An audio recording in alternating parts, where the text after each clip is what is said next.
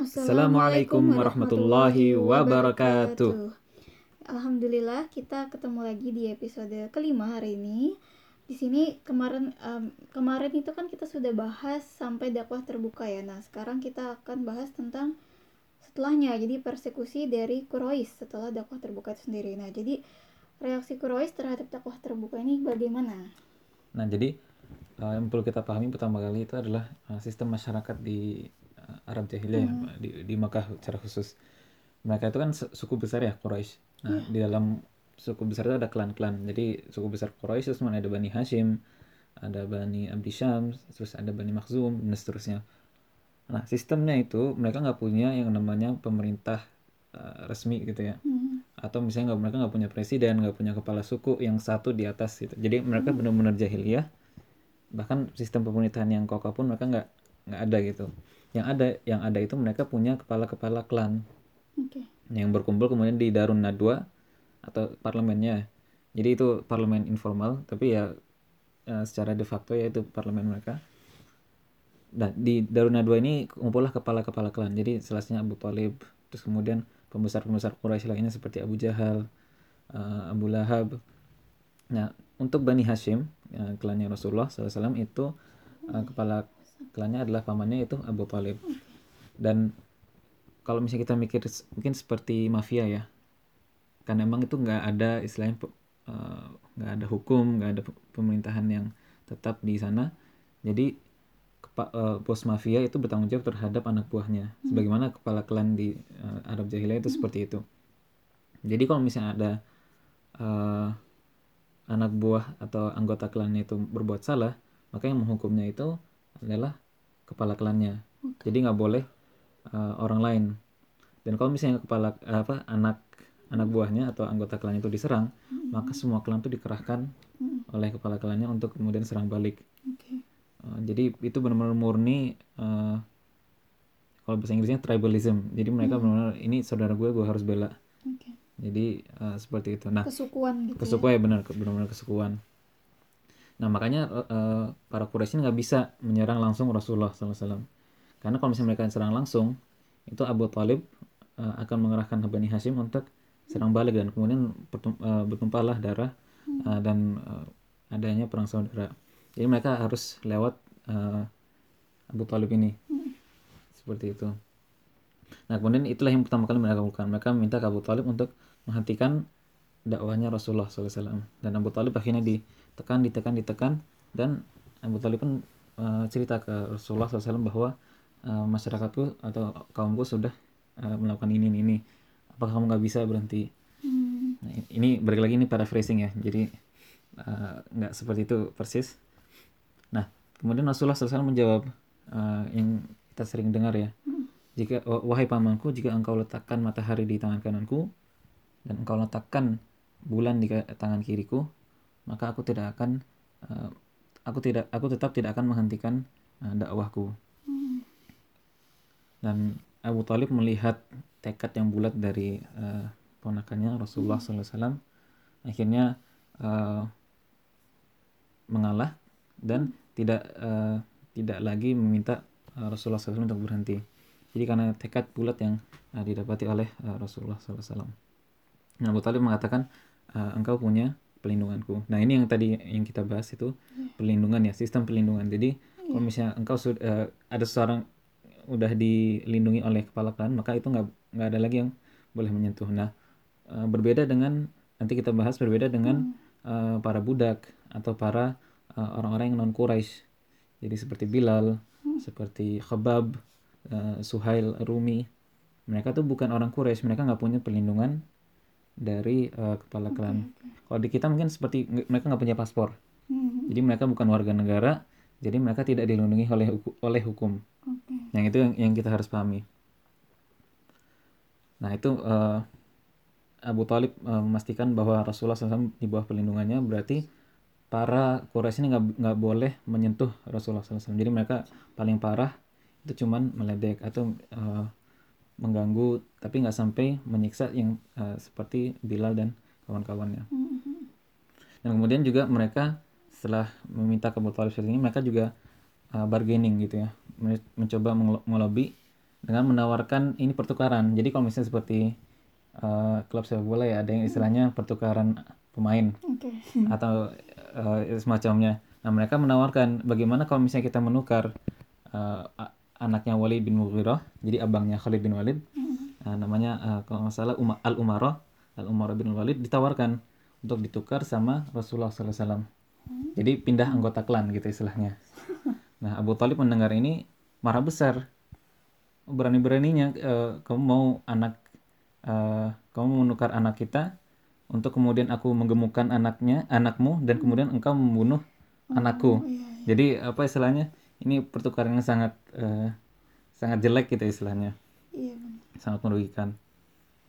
Dan akhirnya Abu Talib tetap eh, teguh terhadap eh, pelindungannya ke eh, Rasulullah SAW. Dan kita ketahui bahwa Abu Talib meninggal eh, dalam kondisi jahiliyah ya, tidak masuk Islam. Dan di situ ada beberapa alasan yang kenapa Abu Talib meninggal eh, dalam kondisi seperti itu. Nah, eh, kemudian ada hikmah hikmah eh, hikmah-hikmah yang diambil oleh para ulama eh, kenapa Abu Talib eh, meninggal dalam kondisi jahiliyah. Harus meninggal dalam kondisi jahiliyah. Kenapa Allah tidak membimbingnya kepada Islam? Hmm. Nah, pertama itu untuk bisa memberikan perlindungan ke Rasulullah SAW maka Abu Talib uh, tetap harus menjadi uh, harus tetap menjadi seorang musyrik nggak nggak mungkin dia menjadi seorang muslim uh, dan kemudian tetap memberikan perlindungan. Karena bisa jadi kalau, kalau misalnya dia masuk Islam Abu Talib kemudian dikudeta uh, oleh saudara-saudaranya dan tidak lagi menjadi uh, kepala klannya. Kemudian hikmah kedua itu mungkin ini lebih lebih utama ya bahwa tidak ada yang bisa mendikte eh, Allah Subhanahu wa taala siapa yang berhak dan tidak berhak mendapatkan hidayah.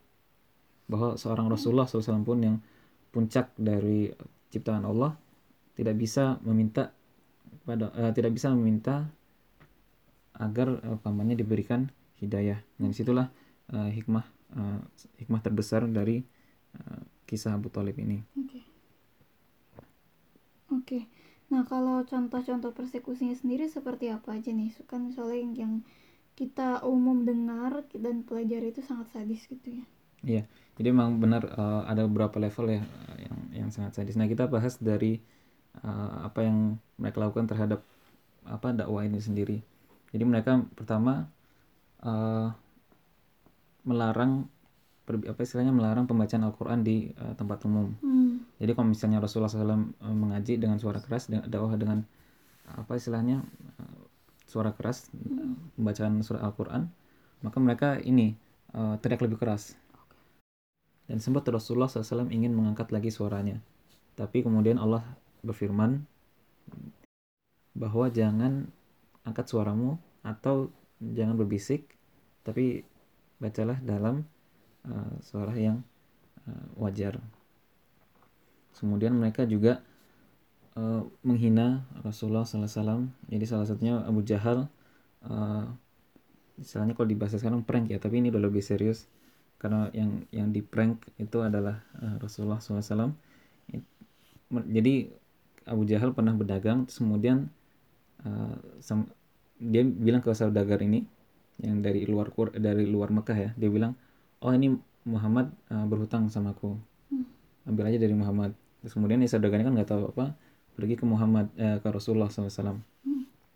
Dan Rasulullah SAW uh, kan nggak tahu apa, dibilang sama saudagar uh, berhutang gini gini nih akhirnya Rasulullah SAW uh, membawa saudagarnya ke depan Abu Jahal dan Abu Jahal pun uh, awalnya ingin meledek Rasulullah SAW tapi kemudian ketakutan Uh, pas ditanya kenapa kok tiba-tiba takut uh, dibilang Abu Jahal bahwa saya melihat ada uh, gerombolan uh, unta-unta yang di belakang Muhammad Oh, oke oke. dan itu adalah salah satu uh, mukjizatnya. Kemudian juga kita melihat uh, para pembesar Quraisy itu menuduh uh, Rasulullah SAW dengan tuduhan-tuduhan yang tidak benar. Jadi misalnya disebut beliau sebagai orang gila, beliau sebagai seorang uh, sebagai dukun, sebagai penyihir. Dan ini tuduhan-tuduhan uh, yang sebenarnya tidak ada basisnya. Karena mereka tahu bahwa Rasulullah SAW itu tidak pernah uh, gila selama mereka mengenal Rasulullah SAW 40 tahun lebih mereka mengenal Rasulullah SAW tapi kemudian mereka untuk kepentingan mereka sendiri menuduh uh, Rasulullah SAW sebagai pembohong, sebagai penyihir, sebagai dukun dan seterusnya. Heeh. Nah, kemudian juga mereka menantang Rasulullah SAW untuk mendatangi se- sebuah mukjizat gitu ya. Oke. Dan di sini ada beberapa pembahasan bahwa kenapa kenapa Allah tidak memberikan mereka mukjizat. Nah, pertama itu nggak benar karena memang Allah mendatangkan kepada mereka mukjizat dan salah satu yang terbesar itu adalah membelah bulan. Jadi di surat Al-Qamar eh, Allah Subhanahu wa taala membelah bulan di depan mata mereka sendiri. Tapi mereka menolaknya. Mereka bilang itu eh, Muhammad sudah menyi- menyihir mata-mata kita. Kemudian eh, mereka sudah diberikan mujizat lagi yang lebih besar, yang paling besar yaitu adalah Al-Qur'an.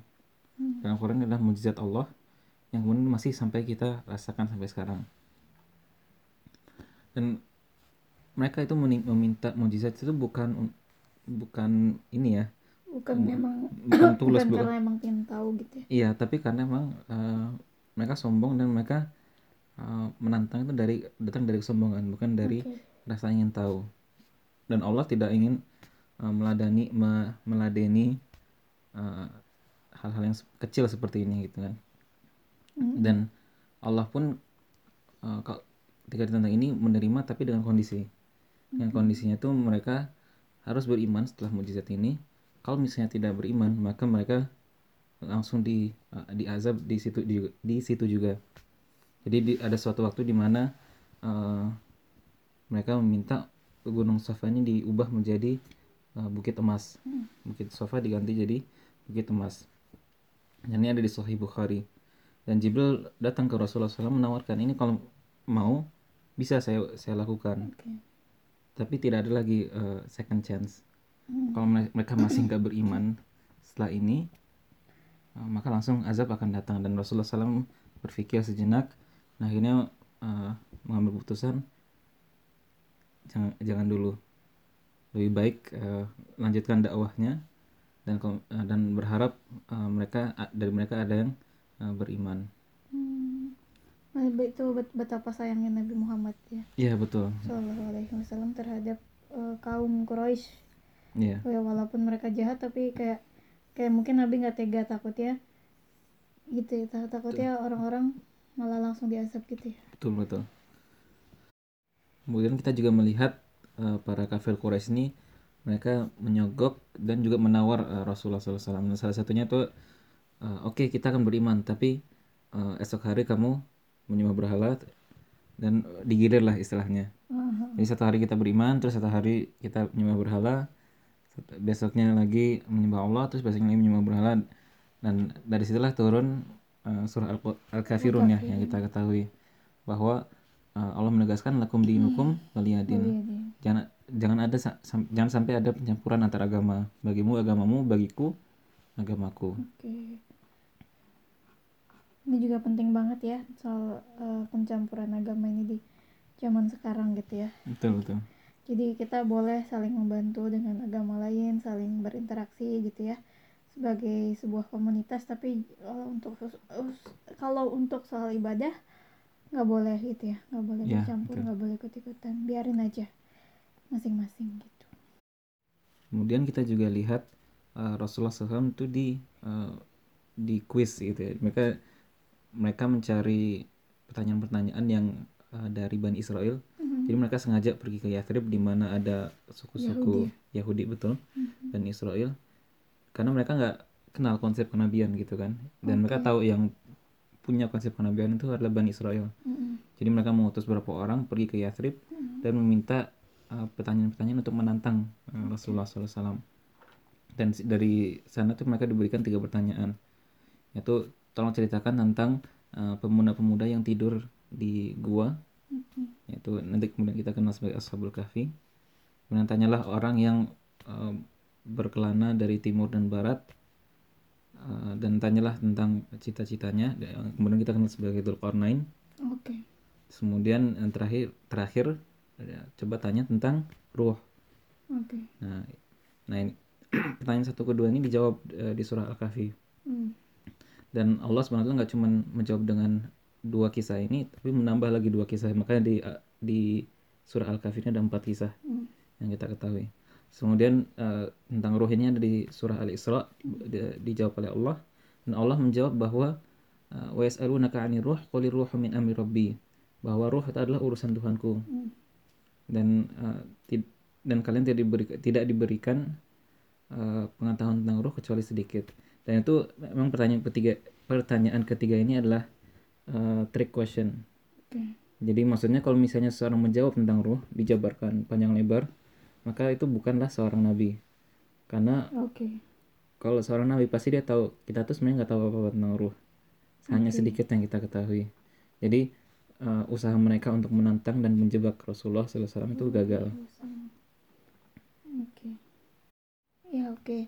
Nah eh, terus nih kan tadi untuk yang kaum yang lemah gitu ya, yang Betul. budak budak-budak non Quraisy ya, Iya. tidak mendapat perlindungan seperti Nabi Muhammad SAW. Nah itu kira-kira ada siapa aja gitu yang Iya. eh, bisa kita ketahui atau yang harus bukan harus ya, ya yang baik kita kenal. baik kita kenal. Oke, jadi ini para budak dan juga orang bebas yang non Quraisy. Iya. Jadi mereka tuh punya posi- Oke, eh, ya. status yang di bawah Ya. eh, warga negara gitu. Jadi kalau di sini kan WNI, WNA Hmm, itu punya status yang berbeda ya. Oke. Nah di sini kita melihat eh, contoh yang paling utama itu adalah Bilal bin Rabah, Hmm, eh, yang di mana dia disiksa sampai kemudian batu besar ditindih di di atas dadanya, di di terik panasari. Kemudian eh, Bilal ini disiksa sama majikannya Umayyah namanya, disiksa sama Umayyah dan orang-orang melihat sampai kasihan. Tapi kasihan bukan sama Bilal, kasihan sama Umayyah karena Bilal tuh kokoh banget. Dia menolak untuk eh, menolak untuk Oh, mengucapkan ucapan-ucapan yang syirik. iya, iya. Sampai orang-orang kasihan sama Umayyah Iya, itu. Ini orang susah payah nyiksa budaknya tapi budaknya tuh kuat Bu- banget kuat ya, banget Masya gitu. Allah, gitu ya. Nah, Jadi tamparan buat kita. kemudian juga Khabab bin- ibn al-Arad. Eh, Khabab ini adalah seorang eh, ahli besi ya, Iya. kerja besi eh, dan kemudian dia juga dibakar punggungnya itu. Innalillahi dengan wa ininya, dengan alat-alatnya. Terus Kemudian kita kenal juga eh, Sekeluarga. sekeluarga ya dan eh, yaitu adalah keluarga Yasir dengan istrinya Sumayyah dan anaknya Ammar Ammar. Dan Yasir dan Sumayyah adalah syahid dan syahidah pertama dalam Islam. Jadi di Islam tuh Muslim pertama itu adalah perempuan Khadijah dan syahid pertama itu adalah perempuan juga yaitu Sumayyah kemudian kita juga kenal Suhaib Ar-Rumi. Dia adalah seorang eh, yang besar di eh, Romawi ya. Kemudian dia kabur dan eh, keterima di Mekah sebagai budak terus kemudian dia bebas. Nah, dan tidak lagi menjadi budak, budak tapi tetap saja dia masih ditindas dan disiksa. Nah, itulah contoh-contoh di mana orang-orang yang tidak punya status hukum ya bisa dibilang tidak punya perlindungan itu disiksa oleh para eh, elit-elit Quraisy. Nah, oke pertanyaan terakhir nih ya untuk menutup eh, episode kali ini. Nah, ada nggak sih satu turn back point yang kemudian membuat Quraisy ini mulai segan untuk mempersekusi umat Islam di Mekah? Nah, itu ada di mana eh, Ibnu Mas'ud menyatakan Islam eh, mendapatkan izah itu atau kehormatan itu ketika Umar bin Khattab masuk Islam. Hmm, Jadi ketika Umar bin Khattab masuk Islam itu langsung orang-orang sudah mulai sudah mulai segan sama eh, Alhamdulillah. sama ini sama Islam. para muslimin ya Para Islam dan muslimin. kaum muslimin. Bahkan ketika Umar masuk Islam itu eh, Umar dan Hamzah langsung memimpin dan ini Hamzah juga ya. Hamzah eh, Hamzah. pamannya Rasulullah Nabi SAW. Uh, mereka langsung mengadakan semacam pawai gitu, bukan, bukan pawai ya, semacam march gitu ke ke depan Ka'bah dalam dua baris. Uh, dua baris ini satu dipimpin oleh Umar, satu dipimpin oleh Hamzah. Dan dari sana tuh mulai ada uh, perlawanan walaupun non fisik ya. Ada minimal secara publik tuh ada perlawanan dari kaum muslimin. Ya, baiklah. Dan kita sudah di penghujung. Jadi aku singkat aja eh, ada mungkin ada beberapa poin menarik ya yang sangat penting untuk kita ambil pelajaran. Ya, beberapa di antara misalnya kayak pada waktu kita bahas tentang peran Abu Thalib itu eh, bahwa eh, tidak eh, tidak ada yang bisa mendikte Allah gitu ya.